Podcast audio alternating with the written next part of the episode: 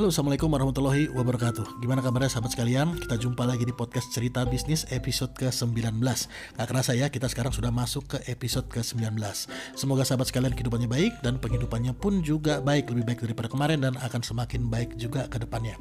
Sebelumnya karena ini masih nuansa sawal ya Hari keberapa ya? Hari keempat atau hari kelima? Jadi saya terlebih dahulu ingin mengucapkan Takabalullahu minna wa minkum minal aizin wal faizin. Maaf lahir batin kalau misalnya saya ada salah kata dan ada uh, salah dalam uh, perilaku juga. Eh, dan saat ini tentunya karena masih awal-awal Ramadan bantu bisnismu.com dan kuantum sinergi umat masih libur panjang. Jadi saya juga masih banyak uh, waktu santai belum banyak waktu untuk mikirin kerjaan Oh ya bagi teman-teman yang belum tahu ya, bantu bisnismu.com adalah salah satu perusahaan saya yang beraktivitas mencari dan mensortir bisnis yang potensial untuk diajakin kerjasama bareng. Dan KSU adalah lembaga keuangan yang menyediakan pendanaan untuk proyek yang telah disortir oleh BBDC tadi. Jadi misalnya teman-teman sekalian punya bisnis, rasa bisnisnya bagus, berjalan ya, dan butuh bantuan untuk apa saja, baik manajemen, pembukuan, konsultasi mengenai bisnis, ataupun investasi, ataupun kerjasama pendanaan secara profesional, jangan segan untuk kontak kami di BBDC. Bisa lewat email, WhatsApp, maupun juga bisa DM di Instagram. Ataupun misalnya teman-teman sekalian juga punya uang nganggur gitu ya dan pengen ikutan investasi bareng bisa juga gabung sama investor forum kami. Kami memiliki banyak penawaran investasi yang menarik dengan bagi hasil yang cukup lumayan. Proyek-proyek kami bisa dilihat di website kami di qsu.co.id dan di podcast ini kami juga akan membahas tentang bisnis keuangan termasuk investasi dan manajerial kita juga punya channel YouTube namanya Bantu Bisnismu. Sama di sana kami juga membahas tentang bisnis, keuangan dan manajerial. Jadi monggo teman-teman sekalian mampir ke channel YouTube kami. Oke, sekarang kita masuk ke segmen cerbis kali ini ya.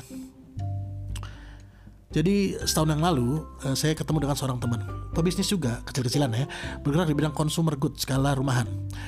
Nah menariknya teman ini uh, apa ya sangat susah gitu loh kalau diajakin ngumpul-ngumpul. Misalnya kayak misalnya kita mau kongko, uh, kapan, dari mana, wah janjinya tuh susah banget. Alasannya klise, sibuk mencari sesuap berlian. Nah kadang saya juga bingung gitu loh. Orang mau jadi pengusaha tentunya kan agar bisa punya waktu lebih banyak ya, waktu senggang lebih banyak. Oleh karena itu tentunya kita juga butuh menggandeng tim untuk mengoperasikan uh, bisnis kita ya sehingga pendelegasian itu juga harus mutlak harus ada itu harus berjalan mungkin kalau di tahun pertama oke okay lah di tahun kedua juga oke okay lah kalau misalnya untuk ngurusin operasional masih dihandle oleh ownernya full tapi ke depannya ya sering dengan waktu harusnya pendelegasian itu sudah mulai berjalan idealnya ya. oke sekarang kita kembali ke cerita teman saya tadi eh, dalam cerita ngalor ngidul antara saya dan teman tadi ada satu bahasan yang cukup menarik ternyata masih banyak pebisnis yang keuangan pribadinya itu masih bercampur dengan keuangan perusahaan nah apa itu salah Sebenarnya nggak juga sih. Tapi kalau kita mau jadi sebuah perusahaan yang besar, ya tentunya kita harus bisa memisahkan antara keuangan perusahaan dan keuangan pribadi. Karena apa? Karena perusahaan juga tentunya membutuhkan dana untuk bertumbuh. Nah, salah satu cara memisahkan keuangan perusahaan dengan uh, keuangan pribadi adalah dengan menggaji diri sendiri. Lalu ada pertanyaan kayak gini, loh usaha-usaha saya sendiri kok masa saya harus punya gaji dari usaha saya sendiri? Kan bebas saya mengambil dari uang kas, uh, uang berapapun kan sebetulnya boleh, hak saya. Nah, seperti yang saya bilang tadi, bebas-bebas saja sebetulnya. Cuman untuk memudahkan yang mana hak kita dan yang mana haknya perusahaan, baiknya dipisah. Ya, jadi dibaiknya dipisah karena perusahaan juga punya hak untuk tumbuh sebetulnya. Karena perusahaan kan nanti kan akan banyak karyawan, akan banyak menaungi karyawan. Jadi sebetulnya bukan hanya untuk uh, suka-suka kita doang perusahaan, kita punya tanggung jawab besar loh untuk karyawan kita juga. Lalu bagaimana cara menentukan gaji seorang pemilik bisnis? Kalau menentukan gaji karyawan kan gampang ya, disesuaikan dengan kemampuannya perusahaan. Berapa ketentuannya dan berapa kemampuannya ya ditawarkan kepada karyawan, karyawannya mau maka oke. Okay. Tapi gimana caranya untuk menentukan gaji pemilik usaha? Nah, e, cara sederhananya gini. Kalau misalnya Anda seorang pemilik bisnis maka Anda bisa mendata dulu kira-kira berapa kebutuhan Anda setiap bulannya. Misalnya gini, berapa untuk belanja istri, berapa uh, uang untuk menabung, berapa dana untuk anak sekolah, berapa uang yang harus disisihkan untuk cicilan rumah, berapa uang yang ya bisa digunakan untuk beli ini beli itu gitu. Misalnya Anda pengen beli uh, apa ya kesenangan Anda lah ya hobi Anda misalnya Anda Anda suka sesuatu beli buku lah misalnya ya atau misalnya untuk beli DVD atau untuk beli film atau untuk beli apa ya senang-senang Anda ya itu dianggarkan. Lalu ada berapa juga untuk investasi ya dan lain-lainnya lah. Nah, ketika itu sudah didata ya e, tentang apa saja yang menjadi kebutuhan Anda dan sudah diestimasi ya berapa besarannya, baru dipotongkan dari laba usaha Anda. Oh ya, terus untuk masalah laba ini juga menarik sebetulnya. Uang yang ada di kas Anda, ya sekali lagi ya, uang yang ada di kas Anda belum tentu itu laba. bisa jadi itu merupakan DP dari vendor kerjasama Anda gitu sehingga itu menjadi piutang usaha belum jadi laba dan ini uh, banyak menimpa atau banyak yang terjadi di teman-teman saya yang yang menjadi pengusaha properti.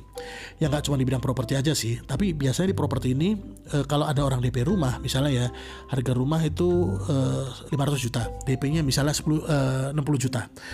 Dalam waktu satu bulan misalnya laku 5 rumah maka karena 5 dikali 60 maka ada kas 300 juta sebagai DP yang tadi DP itu harus dibangunkan menjadi rumah secara termin. Nah bagi orang yang belum biasa pegang uang besar dalam rekeningnya biasanya kaget dan gatel gitu ada aja yang ingin dibeli. Tiba-tiba pengen beli ini pengen beli itu tiba-tiba pengen beli motor baru pengen beli mobil baru dari uang tersebut. Padahal itu uang itu DP lo belum laba. Nah ketika pas uh, masuk waktunya uh, rumah ini harus dibangun uangnya ternyata udah nggak ada udah kepake jadi mobil Nah kalau saya personal ya biasanya saya membagi rekening saya minimal jadi tiga rekening. Jadi ada rekening yang dipakai untuk usaha, ada rekening yang dipakai untuk gaji. Jadi ini khusus gaji saya sendiri ya. Dan ada juga rekening yang digunakan untuk um, uh, uang uh, menyisihkan uang tabungan ataupun juga rekening untuk uh, investasi. Jadi uh, kalau saatnya misalnya ya tanggal tertentu misalnya tanggal 1 atau tanggal 5 gitu karyawan ada gajian, baiknya uh, kita juga menggaji diri kita juga gitu loh. Uh, dan menentukan gaji itu nggak perlu langsung tinggi. Kalau tinggi-tinggi misalnya di awal-awal perusahaan ya nggak usah langsung tinggi dulu lah. Karena itu bisa jadi memberatkan perusahaan anda. Misalnya kayak gini eh, perusahaan untungnya baru 10 juta ya. Kalau anda punya uh, dua orang karyawan gitu ya gaji masing-masing 2 juta sehingga gaji pegawai yang dua orang tadi itu 4 juta rupiah gaji Anda pribadi misalnya Anda tetapkan sebesar 5 juta rupiah. Berarti untung perusahaan ini kan hanya satu juta rupiah sebulan. Nah gimana perusahaan bisa cepat gede kalau misalnya untungnya itu cuma satu juta rupiah sebulan atau misalnya setahun cuma ada untung laba laba ditahan itu sebesar 12 juta kecil banget kan dan memang mungkin nggak mudah ya rasanya ketika ada uang di rekening kita eh, rasanya ada aja yang pengen dibeli ada aja yang pengen dibelanjain karena apa ya godaan keinginan untuk membelanjakan sesuatu itu atau uang kita tuh godaannya tuh besar banget. Makanya eh, saya untuk laba laba usaha gitu ya di perusahaan saya itu selalu saya pisahkan.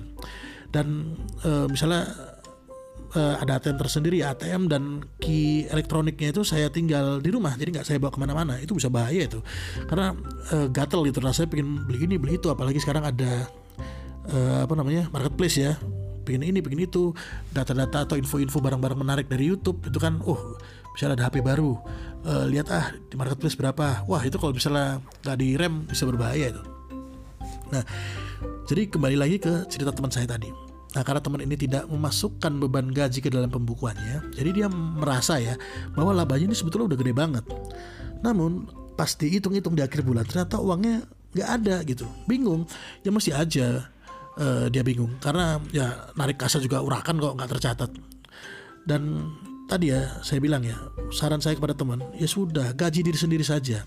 Jadi pada awal bulan gaji diri sendiri eh, apa namanya gaji gaji diri sendiri dulu termasuk juga gaji karyawan ya jangan sampai diundur-undur. Jadi pas karyawan waktunya gajian ya kita juga gajian. Kalau gaji sudah habis ya sudah jangan tergoda untuk mengambil kas dari usaha ya belajar disiplin lah ya. Kalau kepepet misalnya ya, kepepet-kepepet banget. Kita bisa kasbon sama kantor. Tapi judulnya kasbon ya, utang sama kantor. Tapi ya jangan sering-sering juga, khawatir khawatir apa ya, nyandu. Karena apa ya, utang itu sifatnya nyandu sih. Jadi sedikit-sedikit kasbon, sedikit-sedikit kasbon. Jangan ya, jangan kayak gitu. Dan jika misalnya kita masih kantor di rumah sendiri, ya kan kalau kita di awal-awal bisnis kan mungkin untuk sewa kantor atau sewa ruko gitu terlalu uh, tinggi biayanya. Jadi kita pakai misal ruangan kita sendiri ya, ruang tamu atau uh, garasi atau gudang gitu kita jadikan kantor. Nah, uh, ya tentunya uh, baiknya tetap dimasukkan ada biaya beban sewa. Jadi kalau misalnya perusahaan menyewa ruangan di rumah kita ya terus tentunya perusahaan harus membayar sewa kepada rumah kepada kita sebagai pemilik rumah.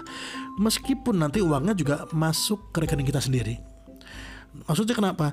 Harus kayak gitu. Ya karena kayak gini jika nanti misalnya usaha kita uh, pindah skala ke skala yang lebih besar dan perlu pindah dari uh, ruang tamu kita misalnya ke kantor yang lebih besar sudah ada pos untuk sewa kantor. Jadinya kita juga nggak terlalu kaget sudah terbiasa yang bikin kaget kan kayak gini kalau misalnya ada laba ditahan misalnya sebulan tuh 10 juta ternyata masih kepakai sama uh, pribadi sebesar uh, 5 juta rupiah. Jadi untungnya uh, cuma 5 juta. Kelihatan gede. Tapi pas dia pindah dari rumah ke kantor uh, uh, maksudnya kantor, dari pindah dari rumah ke kantor lain yang lebih besar gitu ya kan ada beban sewa tuh di situ ya. Nah uh, misalnya sewanya 60 juta setahun jadi kalau misalnya dia punya untung 5 juta sebulan, sewanya 60 juta setahun, tadi berapa tuh? 5 juta sebulan kali 12, ya 60 juta kan. Jadi 60 juta itu cuma dipakai untuk bayar sewa. Jadi labanya habis, nggak ada laba ditahannya. Jadi apa ya? Ya kerja kita punya perusahaan sendiri cuma dapat untungnya dari gaji, cuma dapat masukan dari gaji. Jadi laba ditahan nggak ada. Terus ngapain kita mesti punya usaha gitu? Jadi karyawan aja. So, sesuatu yang terlihat besar itu sebetulnya belum tentu benar-benar besar, teman-teman. Kalau mau menilai gimana perusahaan itu besar apa enggak perusahaan yang berjalan, yang paling gampang adalah dengan melihat laporan keuangannya saya pribadi belum lihat keuangan apa namanya laporan keuangan teman tadi itu ya. Ya tentunya saya nggak bisa kan nawarkan coba melihat laporan keuanganmu. Nggak bisa. Ya mungkin lain waktu lah. Kalau dia benar-benar ingin dibantu dan dia minta tolong uh, dia ingin perusahaannya bertumbuh dan ingin eh tolong dong gimana caranya perusahaan bertumbuh? Ya mungkin nanti kita akan minta laporan keuangannya gimana supaya kita bisa lihat apa saja uh, gimana sih cara dia ngelola perusahaan berapa sih labanya mana sih ada pos-pos mana sebetulnya yang belum terisi. Jadi kita bisa lihat dari situ So mungkin demikian uh, service episode kita kali ini. Semoga yang sedikit ini bisa bermanfaat buat teman-teman sekalian, terutama buat saya pribadi sebagai pengingat diri. Saya mundur diri dulu. Sampai jumpa di podcast kita selanjutnya. Wassalamualaikum.